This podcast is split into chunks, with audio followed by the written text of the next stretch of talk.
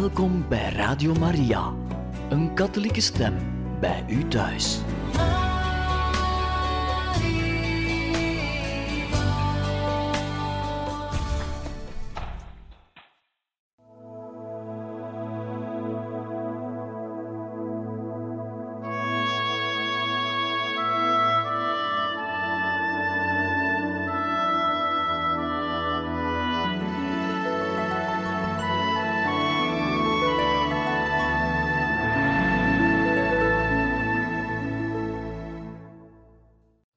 Luisteraars van Radio Maria, hartelijk welkom in dit programma Heilige Getuigen, waar wij verder gaan met de lezing uit het boek De Wenende Maagd van La Salette, geschreven door eerwaarde heer de Vleeschouwer. Wij waren nog verder bezig met hoofdstuk 8, uitspraak van het kerkelijk gezag. Hiermee gaan we nu verder en ik wens u een deugddoende sessie toe. Op 1 mei 1852 schreef de bisschop een herderlijke brief met de afkondiging van de eerste steenlegging van het Maria-heiligdom, samen met de stichting van een congregatie missionarissen, die op de bedevaartplaats zich zouden ten dienste stellen van de pelgrims. Dit bisschoppelijk schrijven vond buitengewoon bijval, niet alleen door heel Frankrijk, maar ook ver over de grenzen van het land. Acht dagen na de publicatie heeft Monseigneur Delebecq, bisschop van Gent, deze herderlijke brief in het Vlaams laten omzetten en hem door gans het Vlaamse land verspreid. Op hetzelfde tijdstip verscheen die brief in het Engels, in het Duits en in het Italiaans. In al die landen werden inschrijvingen geopend voor het nieuwe Maria-heiligdom en overal kenden ze ongehoord succes. De heilige vader, Pius IX, schonk aan de geestdriftige devotie van La Salette zijn pauselijke zegen, samen met talloze geestelijke gunsten, onder andere het voorrecht van het geprivilegeerd hoogaltaar van het heiligdom, het voorrecht om behalve op de grote feesten het jaar door de votiefmis de Beata te lezen, verschillende volle aflaten aan de leden van de broederschap, een volle aflaat eenmaal per jaar aan al wie het heiligdom van onze lieve vrouw te La Salette zal bezoeken, enzovoort. Zijn opvolgers, paus Leo XIII en Pius X, deden hetzelfde. Pius XI heeft nog speciale aflaten verleend aan de devotie tot Onze Lieve Vrouw van La Salette en Pius XII heeft in 1942 het nieuwe officie en de speciale mis eigen aan Onze Lieve Vrouw van La Salette, verstoenster van de zondaars, goedgekeurd. Ook met het voorrecht die te lezen op al de dagen van het jaar – behalve op de grote feesten en op sommige bevoorrechte dagen. Datzelfde privilegie heeft hij toegestaan aan alle kerken en kapellen van de Heilige Maagd van La Salette, verspreid over heel de wereld. Ter gelegenheid van het Eeffeest in 1946 heeft hij door twee nieuwe indulten de vroegere pauselijke gunsten nog rijkelijk vermeerderd. Hoofdstuk 9 La Salette in het gedrang. Onderwerp 1 Fanatieke oppositie. De officiële uitspraak van Monseigneur de Bruyère over de feiten van La Salette ergerde veel fanatieke tegenstanders en sceptici, die de geestdriftige zielsuiting van het eenvoudige volk maar niet konden verwerken. In enkele weken had het geloof en het vertrouwen in de schone dame zulke diepe wortels geschoten dat alle weerstand er fataal op te pletter liep. Hoe groter de oppositie, hoe meer de waarheid zegevierde. We willen hier niet ten oorlog trekken tegen de opposanten. Ons doel is alleen maar aan te duiden hoe, niet tegenstaande verwoede strijd, heel de zaak van La Salette op alle fronten de zegepraal behaalde. een massa ongelovigen, gesteund door de ongodsdienstige pers, waren er als de kippen bij om van begin af de strijd in te zetten. Ze schilderde de gebeurtenis van La Salette af als fantastisch klericaal bedrog en sponnen rond de verschijning allerhande kinderachtige en belachelijke fabels, die ze als gemene leugens de mensen voordisten. Men kan zich moeilijk voorstellen welke lage laster die de Voltairiaanse pers tot in 1857 heeft uitgekraamd om La Salette in de kiem te smoren. Boosaardige en valse interpretaties, herhaalde bedreigingen, beledigingen en betreurenswaardige dwaasheden, echt kleingeestige uitlatingen. Af en toe liepen hun demonische aanvallen verkeerd uit. De hoofdredacteur van Le Siècle had in zijn blad met veel lawaai de strijd gevoerd tegen de verschijning en tegen al wie er iets had mee uit te staan. In de hoop nieuwe wapens voor zijn strijd te vinden, trok hij persoonlijk naar La Salette. Hij zou dat klericaal bedrog daar wel ontmaskeren. Dat eerste bezoek stelde hem geweldig teleur. Het was daar heel anders dan hij gedacht had. Een tweede keer voelde hij zich uit zijn lood geslagen. Bij zijn derde bezoek werd hij overvallen door een hoop ernstige twijfels. Hij begon na te denken en vond er zijn bekering. Een andere zware oppositie kwam van de goddeloze minister van Justitie en Eredienst, die aan de bisschop van Grenoble bevel gaf zo vlug mogelijk gedaan te maken met al die onnozele en tergende vertelsels. Daar de bisschop op dat bevel niet dadelijk inging, stuurde de minister de procureur van de koning, gesteund door de politie, om die zaak te onderzoeken, die onnozelheden op te vouwen en de kinderen op te sluiten. Hun vinnige opsporingen, hun fijne behendigheid of hun brutaal geweld draaide totaal tegen hen in. Ze vonden niets dat enige aanstoot gaf en als een verslagen leger dropen ze de aftocht. Al die tegenstand kwam niet alleen van de kant van de goddelozen, maar ook van hen die La Salette bekampten uit pure onwetendheid. De hardste tegenstanders kenden er over het algemeen het minst van. Ze hadden zich zelfs de moeite niet getroost er iets over te lezen of een persoonlijk onderzoek in te stellen. Maar de ergste oppositie ging uit van een paar geestelijken, die meer uit koppigheid en uit slechte wil tegenover een bisschop de zaak van La Salette aanvielen. Priester Cartelier, pastoor van Sint-Joseph te Grenoble, en priester De Leon, een onderpastoor, beide om hun opstandige ongehoorzaamheid door de bisschop uit hun geestelijke bediening ontzet, wilden tegen het bisschoppelijk gezag hun haat koelen en begonnen daarom een fanatieke weerstand tegen de verschijning van La Salette. In talrijke, naamloze, gemene brochures over Ons Lieve Vrouw en haar verschijning hekelden ze de bisschoppen en zelfs de Heilige Vader en lieten zich beledigend uit over het onfeilbaar gezag van de kerk. Ze brodeerde allerhande ketterijen en grove leugens rond het feit van La Salette en rond de kerkelijke goedkeuring, zodat Monseigneur de Brouillard zich verplicht zag over deze twee afvalligen de excommunicatie uit te spreken. Tijdens het kerkelijke onderzoek over de feiten van de verschijning deed Cartelier zich vooral opmerken door zijn sluwe behendigheid om met allerhande opwerpingen heel de grond van de zaak te ontwijken. Hij sprak zich categoriek uit tegen La Salette. Hij zag de godsdienst erdoor bedreigd, daarom wou hij ten koste van alles zijn mening bij het volk opdringen. Meedogenloos bekampte hij het oordeel van de kerkelijke commissie en de definitieve uitspraak van zijn bisschop.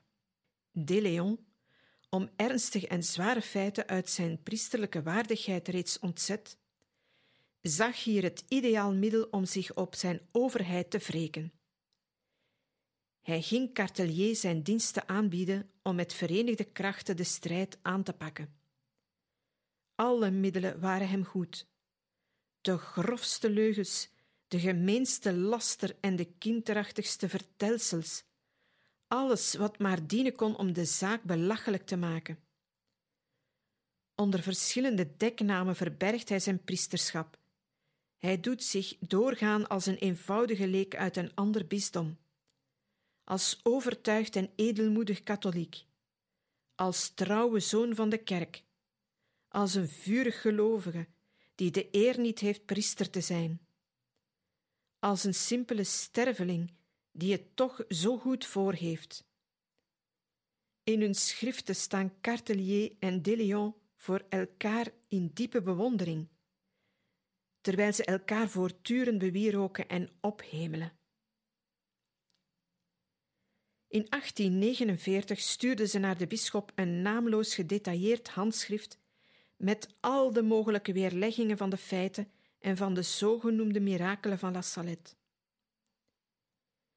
De kanonieke uitspraken van het bisschoppelijk gezag vonden ze tergend en besloot zich rechtstreeks tot de paus te wenden.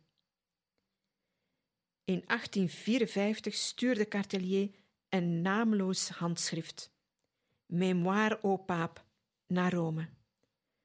De grond van dit schrift was zijn persoonlijke zienswijze over het bedrog in de zaken van La Salette en een zeer gemene aantijging en vuige laster tegen de bisschop van Grenoble. De paus stuurde dit dossier door naar Grenoble. Intussen tijd, zonder de goedkeuring van de kerk te vragen of het oordeel af te wachten, liet Cartelier zijn handschrift uitgeven en bestelde het anoniem aan de paus, aan al de bisschoppen van Frankrijk, aan al de pastoordekens van het bisdom en aan de voornaamste ongodsdienstige dagbladen.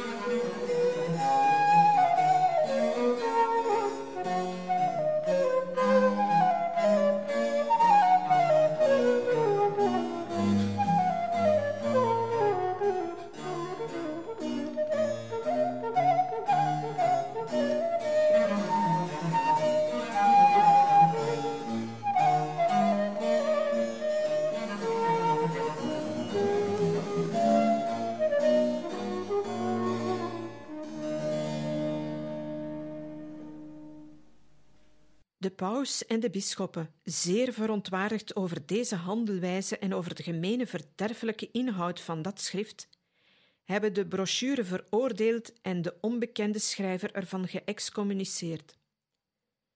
Later heeft Cartelier zijn fout bekend en zich onderworpen. De Leon daarentegen verzonk dieper en dieper in het moeras van verbittering tegenover zijn geestelijke overheid. In 1852, nadat hij reeds een interdict had opgelopen, publiceerde hij onder de deknaam van Donadieu het eerste deel van een nieuw werk, La Salette Falavaux ou La Vallée du Mensonge, waarop hij het jaar nadien een tweede deel liet volgen. Nu had De Leon het gevonden. Voor eerst hadden de twee kinderen niets gezien, maar volgens dit werk hadden ze toch wel iemand gezien, en hij, De Leon, had die iemand ontdekt, namelijk mejuffer de Lamellière. Op dit boek, dat zoveel leugens als woorden bevatte, liet hij er nog andere volgen. La Salette devant le Pape en ook Dernier mot sur la Salette.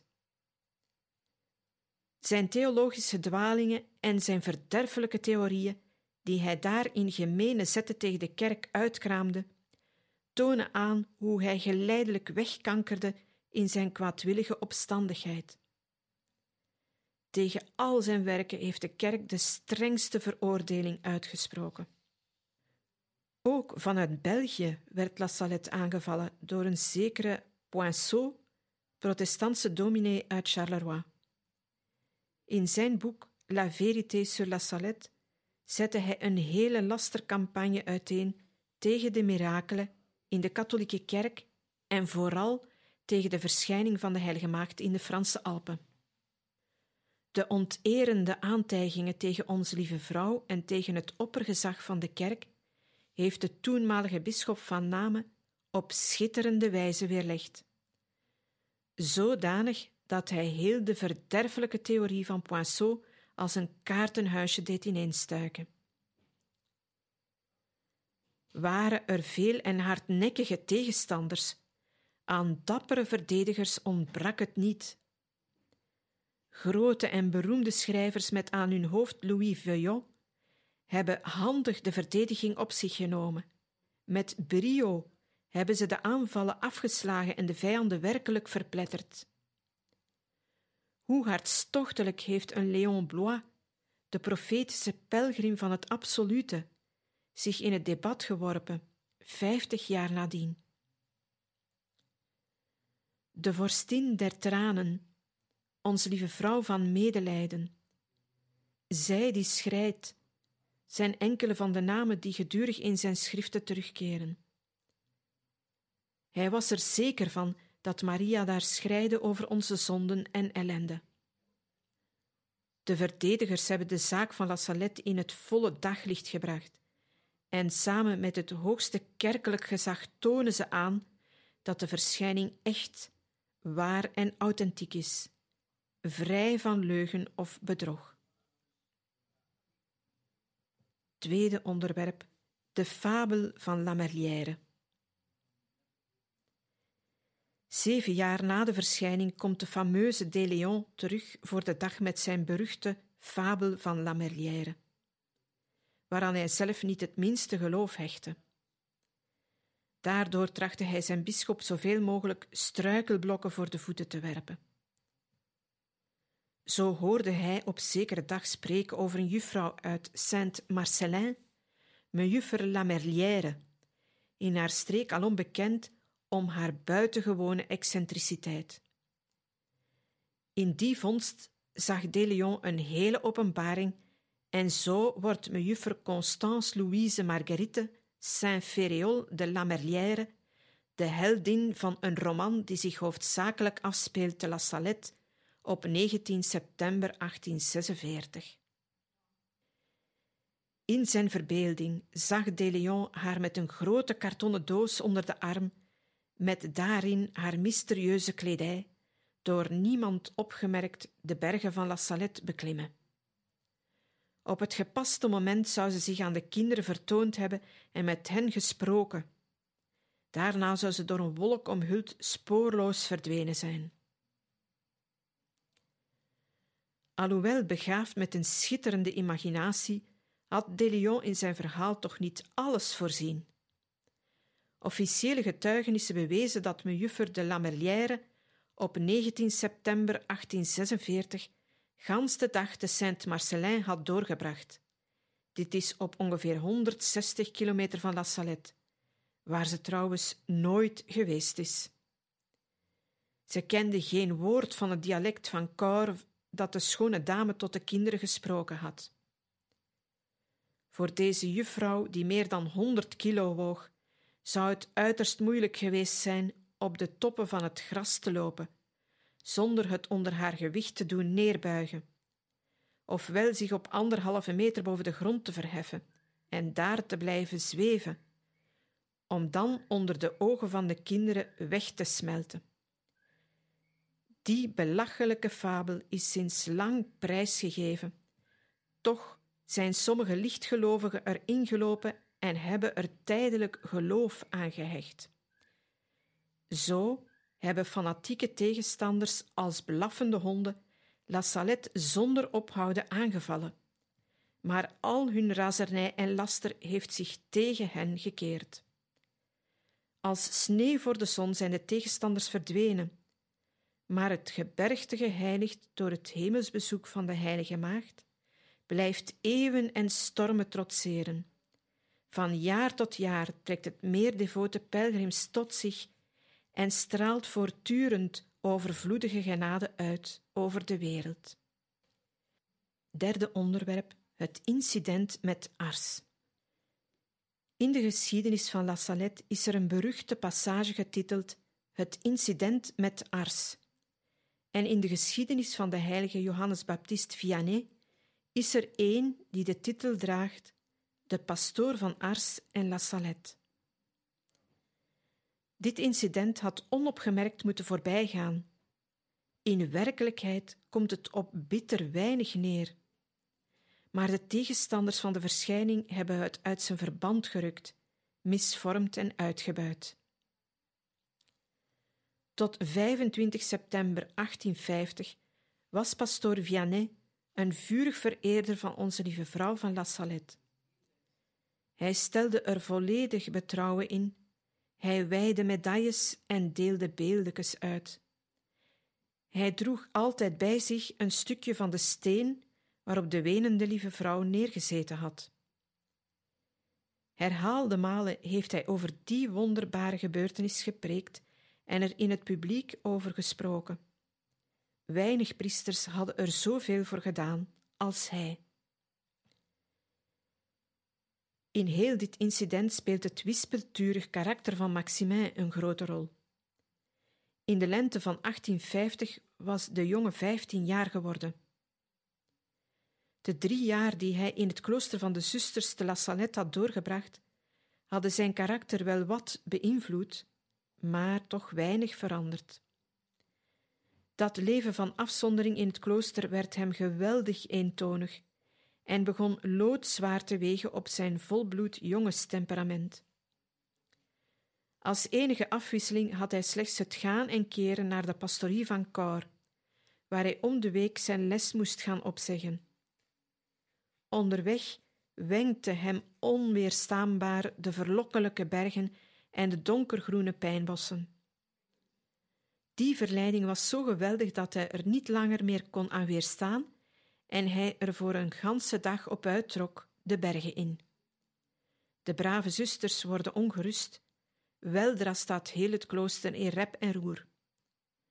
En wanneer s'avonds onze deugniet van zijn wandeling terugkeert, krijgt hij wel een opspeling, maar wordt met open armen ontvangen. Enkele dagen nadien is Maximin weerom spoorloos verdwenen. Ditmaal verwittigen de zusters meneer Pastoor, die er op zijn beurt met de voogd van de jongen over spreekt. Had in 1848 zijn vader en stiefmoeder verloren, en zo stond de jongen onder de voogdij van zijn hardvochtige oom Templier. De zware hand en de harde slagen van de voogd deden de vluchteling wat afschrikken. Maar enkele weken later was hij op een goede morgen weer de baan op. Om de harde straf van oom Templier te ontkomen, trok hij naar Les Ablandins bij boer Prat en bood zich daaraan als knecht. Toen na een paar dagen de boer vernam hoe de zaak ineen zat, bracht hij de verloren zoon weer naar huis. Pastoor Melin berispte hem zeer streng en beloofde in het vervolg andere maatregelen te zullen nemen. Maar de levenslustige jongen kon zijn drang naar vrijheid niet overwinnen. En met een vierde maal te ontsnappen moet hij aan het Latijn en aan de brave zusters vaarwel zeggen, om voortaan onder de strenge hoede te blijven van oom Templier. Een broeder Marist die op bedevaart kwam naar La Salette, voelde zich geroepen om met Maximin grote dingen aan te vangen. Hij stelde de ontredderde jongen voor hem te Lyon bij de broeders Mariste op school te plaatsen. De voogd stemde er volgaarne in toe en Maximin voelde zich uiterst gelukkig in de blijde hoop daar nieuwe horizonten te kunnen ontdekken.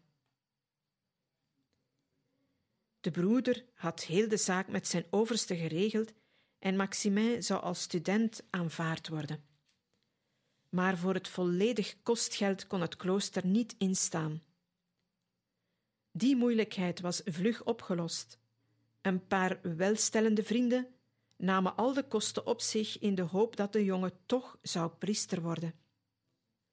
Maar om zekerheid te hebben over zijn roeping, stelden ze hem voor dat hij de heilige pastoor van Ars over zijn toekomst zou gaan raadplegen, wat Maximin ook gretig aanvaarde.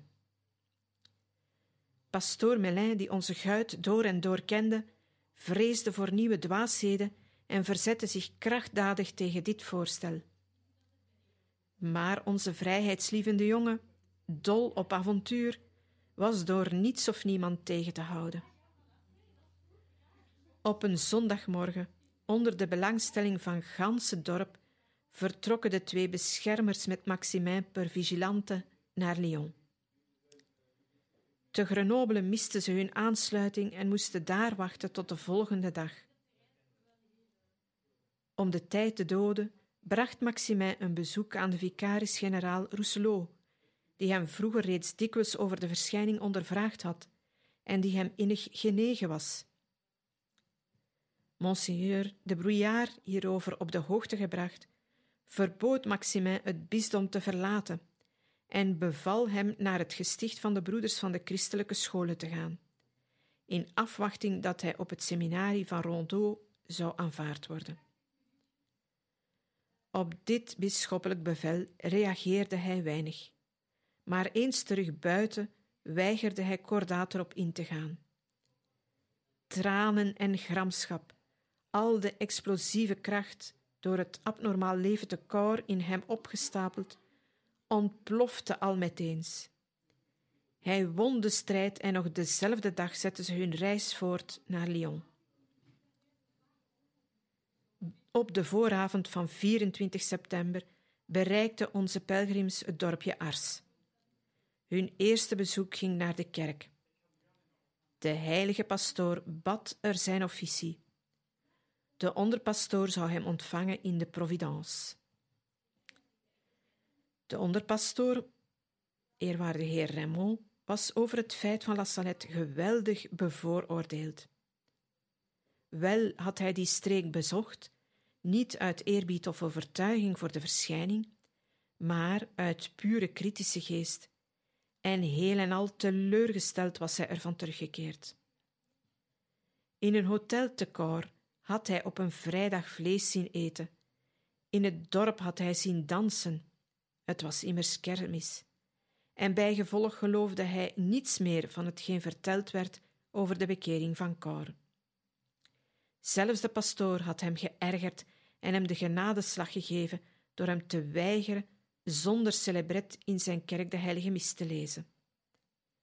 Zo stond de onderpastoor van Ars uiterst sceptisch om niet te zeggen vijandig tegenover La Salette. Wel, Maximin, gij zijt veel vriendelijker dan ik. Ik ben te koor geweest en ik heb u daar niet gezien. En gij komt naar Ars en gij komt mij bezoeken. Op die spottende toon leidde priester Raymond Maximin en zijn beschermers zijn kamer binnen. Met venijnig getrokken gezicht richt hij zich tot de twee begeleiders en op sarcastische toon vraagt hij hen: Met welk inzicht brengt ge Maximin hier? Meent ge misschien dat meneer Pastoor deze nacht over hem een openbaring zal krijgen? Op die bittere uitlating volgt het bedeesd antwoord dat de jongen niet naar hier komt om openbaringen te vernemen, maar om de eerbiedwaardige pastoor te raadplegen over zijn toekomst. Maar, antwoordt de onderpastoor, als hij de heilige maagd gezien heeft, als die zo lang met hem gesproken heeft, als hij hem zelfs geheimen heeft toevertrouwd, dan moet hij toch zeker weten wat hij wil. Daarop begint priester Raymond luidruchtig en bijtend scherp uit te vallen tegen La Salette, tegen de pastoor van Cor, tegen de valse mirakelen en tegen de uitgekochte getuigen. Ik weet over La Salette meer dan gij. Ik ken de valse mirakelen. Wat zoudt ge mij kunnen zeggen dat ik niet weet? Ge hebt daar niets gezien. Ge zijt een gemene leugenaar, een volksbedrieger. Er zijn geen bliksems genoeg in de hemel om u te verpletteren. Een half uur lang donderde zo de onderpastoor in uitdagende houding, zonder hen de gelegenheid te laten hem met één woord te onderbreken, zonder zich te gewaardigen hem nog te bezien. Maximin bekeek hem intussen ook met sarcastisch spottende blik, en op het ogenblik dat de onderpastoor moest adem scheppen om voor te brullen, schiet de jongen even bitter uit. Ik heb nooit gezegd dat ik de Heilige Maagd gezien heb, maar ik heb altijd gezegd dat ik daar een schone dame gezien heb. Maar als je het zo wilt, veronderstelt gij dan maar dat ik gelogen heb. Wat kan mij dat schelen? Als gij het beter weet dan ik, wel, dan heb ik gelogen, dan heb ik niets gezien. Ha, eindelijk zijn we het eens, triomfeerde de onderpastoor. En hij articuleerde scherp: Gij hebt maar een schone dame gezien. Ik heb er veel schonere gezien dan gij.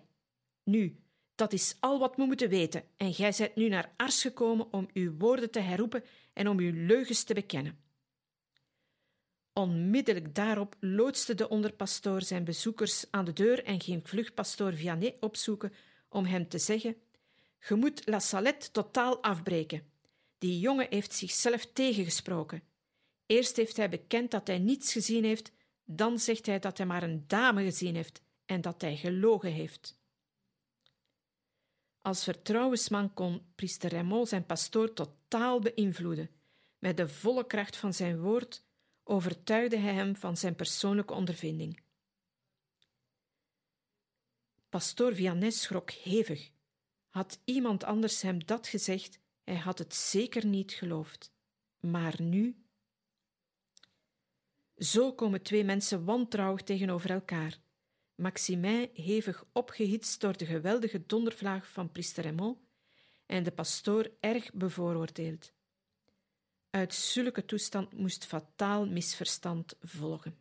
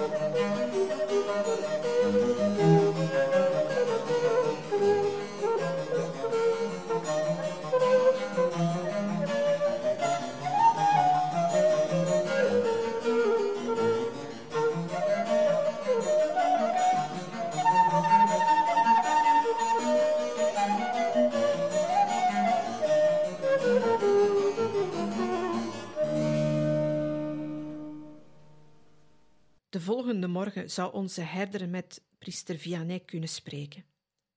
Te negen uur is de heilige pastoor in de sacristie, waar hij de gelovigen ontvangt en medailles en paternosters zegent.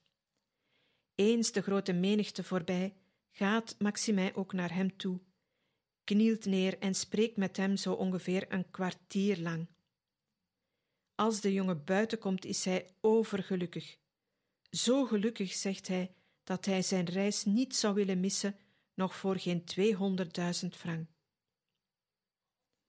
In het hotel deelt hij zijn twee beschermers mee dat de pastoor hem aangeraden heeft terug naar Grenoble te gaan en zich daar ter beschikking te stellen van monseigneur de bisschop. De teleurgestelde beschermers menen stellig en vast dat Maximin de pastoor verkeerd begrepen heeft. Daarom keren ze terug naar de kerk. Om elf uur vindt de jongen de pastoor achter het altaar, waar hij voor de mannen bicht hoort. Na een paar ogenblikken is hij terug en herhaalt dat hij naar het bisdom moet gaan. Kort na de middag vertrekken de onthutste pelgrims naar Lyon, waar ze aansluiting nemen voor Grenoble. Onmiddellijk kwamen te Ars de tongen los. Daar had priester Raymond voor gezorgd. Overal vertelde men dat Maximijn aan de pastoor gezegd had dat het al leugens waren wat hij tot hiertoe had verteld, dat hij dit verhaal zo lang had volgehouden omdat het aan het volk deugd deed, maar dat hij in het publiek zijn woorden niet wilde herroepen. De onderpastoor weert zich dapper om aan dat nieuws de grootste ruchtbaarheid te geven. Aan ieder die het horen wilde, deelde hij het volmondig mee. Pastoor Vianney was geweldig onder de indruk. Hij scheen diep ontgoocheld. Aan zijn nieuwsgierige onderpastoor antwoordde hij: Laten we de zaak van La Salette rusten. Het is niets. De volgende morgen vond priester Raymond in de sacristie een brief bestemd voor de bisschop van Grenoble, waarover hij de pastoor uitleg vroeg. Ik wou aan Maximijn deze brief meegeven waarin hij zijn woorden herroept, maar hij weigerde hem mee te nemen. Hij was mistevreden over mij en ik over hem. En tot tweemaal voegde hij eraan toe: Als Maximijn de waarheid gezegd heeft, dan heeft hij de Heilige Maagd niet gezien. Die woorden beaamden het oordeel van de onderpastoor, die fier overal zijn vondst uitbazuinde. Te Lyon rezen voor de vrienden van Maximin nieuwe moeilijkheden. Niet tegenstaande de raad van de pastoor van Ars weigerde de jongen naar Grenoble terug te keren. Door tussenkomst van een priester, een goede vriend waarin hij betrouwen stelde, belandde hij in het pensionaat van Écully. Met een deknaam ontrok men hem daar aan de nieuwsgierigheid van de leerlingen. Drie weken verliepen daar rustig en kalm, tot de bisschop van Grenoble hem op 20 oktober riep om in het seminarie van Rondeau binnen te gaan. Tegen zijn zin in gaf Maximin aan die oproep gevolg. Intussen tijd had het nieuws van Ars ook Grenoble bereikt. Daarop moet de jonge seminarist verschijnen voor een commissie van kanuniken, professoren en leken, voorgezeten door monseigneur zelf. Maximijn wordt er gewikt en gewogen. Hij blijft stevig op zijn standpunt dat hij zich de ars niet herroepen heeft, dat hij zich zal blijven houden aan wat hij tot dan toe altijd gezegd heeft, dat hij dit nog zal herhalen tot op zijn sterfbed. Daarbij bekent hij dat hij de pastoor Vianney niet duidelijk genoeg kon horen en zeer moeilijk verstaan, en dat hij hem dan maar met een ja of een nee had geantwoord. Vicaris Rousselot ondervraagt Maximin opnieuw over het geval met de pastoor van Ars en laat hem zijn getuigenis neerschrijven en tekenen. Zie hier het verslag zoals de seminarist het samenvat. Ten eerste, ik heb niet mijn biecht gesproken aan de pastoor van Ars. Ten tweede, de pastoor heeft mij niet verder ondervraagd over de verschijning, noch over mijn geheim. Hij heeft me slechts twee dingen gezegd: naar mijn bisdom terug te keren en dat ik na zulke grote gunst moest wijs zijn. Ten derde, nog aan de pastoor, nog aan zijn onderpastoor heb ik iets gezegd dat in strijd is met wat ik sedert 19 september 1846 tot nu toe beweerd heb. Ten vierde, ik houd voortstaande al hetgeen ik aan monseigneur de bisschop van Grenoble gezegd heb. Dit teken ik en de waarheid hiervan wil ik onder eed bevestigen. Klein Seminarie, 2 november 1850. Getekend Maximin Giraud. Intussen wordt Melanie in het klooster van Coran ook opnieuw ondervraagd. Toen men haar meedeelde dat Maximin zijn woorden herroepen had, riep ze zeer verontwaardigd uit: O, die lafaard! Trots alles zou zij haar getuigenis getrouw blijven. Monseigneur schreef aan Johannes Vianney dat hij zijn standpunt nog eens goed zou overwegen, waarop de pastoor zeer beleefd antwoordde: Het is niet nodig aan uw excellentie te herhalen wat ik reeds bekend heb. Toen de kleine mij zei dat hij de Heilige Maagd niet gezien had, ben ik er twee dagen ziek van geweest. Ik was trouwens groot voorstander van La Salette. Maar, monseigneur, de wonde is niet zo erg. Indien het feit van La Salette het werk is van God, zal de mens het niet vernielen. Niet tegenstaande dit pijnlijk incident bleef de heilige pastoor volle geloof hechten aan de verschijning van de wenende lieve vrouw. Boven zijn bed hing een grote prent van het beeld van onze lieve vrouw van La Salette. Hij oordeelde dat de kleine met hem had willen spotten, zoals hij dat gedaan had met zijn onderpastoor. Na herhaald grondig onderzoek kwam men tot het besluit dat het incident rustte op misverstand en dat het de zaak liet zoals ze voordien was. Daarmee waren de bisschoppen en de theologen het volstrekt eens. De oorzaken van het incident komen hierop neer. Ten eerste de voorbarigheid van priester Raymond, die zijn pastoor had beïnvloed en zo de zaak in een heel verkeerd licht had geplaatst. Ten tweede het dwaas jonge spel van Maximin, die hevig opgehitst wilde ondervinden of het wel waar was dat de heilige pastoor gedachten kon lezen. Ten derde het wederzijds niet voldoende begrijpen. Ten derde, daarbij komt het geweldig spel van de grappin, de plaaggeest met zijn ergste vijand. Steeds dompelde hij de pastoor in de ergste twijfels. Johannes Vianney bekent zelf dat die pijnlijke twijfels om ten volle te geloven en de verschrikkelijke angst iets te doen tegen de heilige maagd een van de grootste beproevingen waren van zijn leven. Enkele jaren later kan de pastoor zijn twijfels volledig overwinnen en wordt hij wederom de vurige propagandist en de ijverige apostel van onze lieve vrouw van La Salette. Per slot van rekening had dit incident nog gelukkige gevolgen. De strijd door priester Raymond gevoerd verwekte bij de kardinaal de Bonald van Lyon een brandende nieuwsgierigheid om de geheimen van de kinderen te kennen. Volgens de onderpastoor van Ars bestond het geheim van Maximin heel eenvoudig in de bekentenis dat hij niets gezien had. De kardinaal hechtte hier geloof aan, maar wou er zich persoonlijk over vergewissen. Daarom eiste hij dat de kinderen hem hun geheim zouden meedelen. Door de samenloop van toevallige omstandigheden gingen de geheimen veel vlugger dan voorzien, zonder de kardinaal naar Rome. Als gevolg hiervan moedigde de paus de bisschop van Grenoble aan niet meer te talmen met de kanonieke uitspraak en die dan dadelijk te publiceren. Zo heeft het incident met Ars de zaak van La Salette bespoedigd. Beste luisteraars, we beëindigen hier voor vandaag deze lezing uit het boek De Wenende Maagd van La Salette en we gaan volgende keer verder met het negende hoofdstuk La Salette in het gedrang en het vierde onderwerp het leven van Maximin. We hopen dat deze lezing u veel genaden heeft gegeven. Wensen u nog een gezegende avond toe en tot een volgende keer.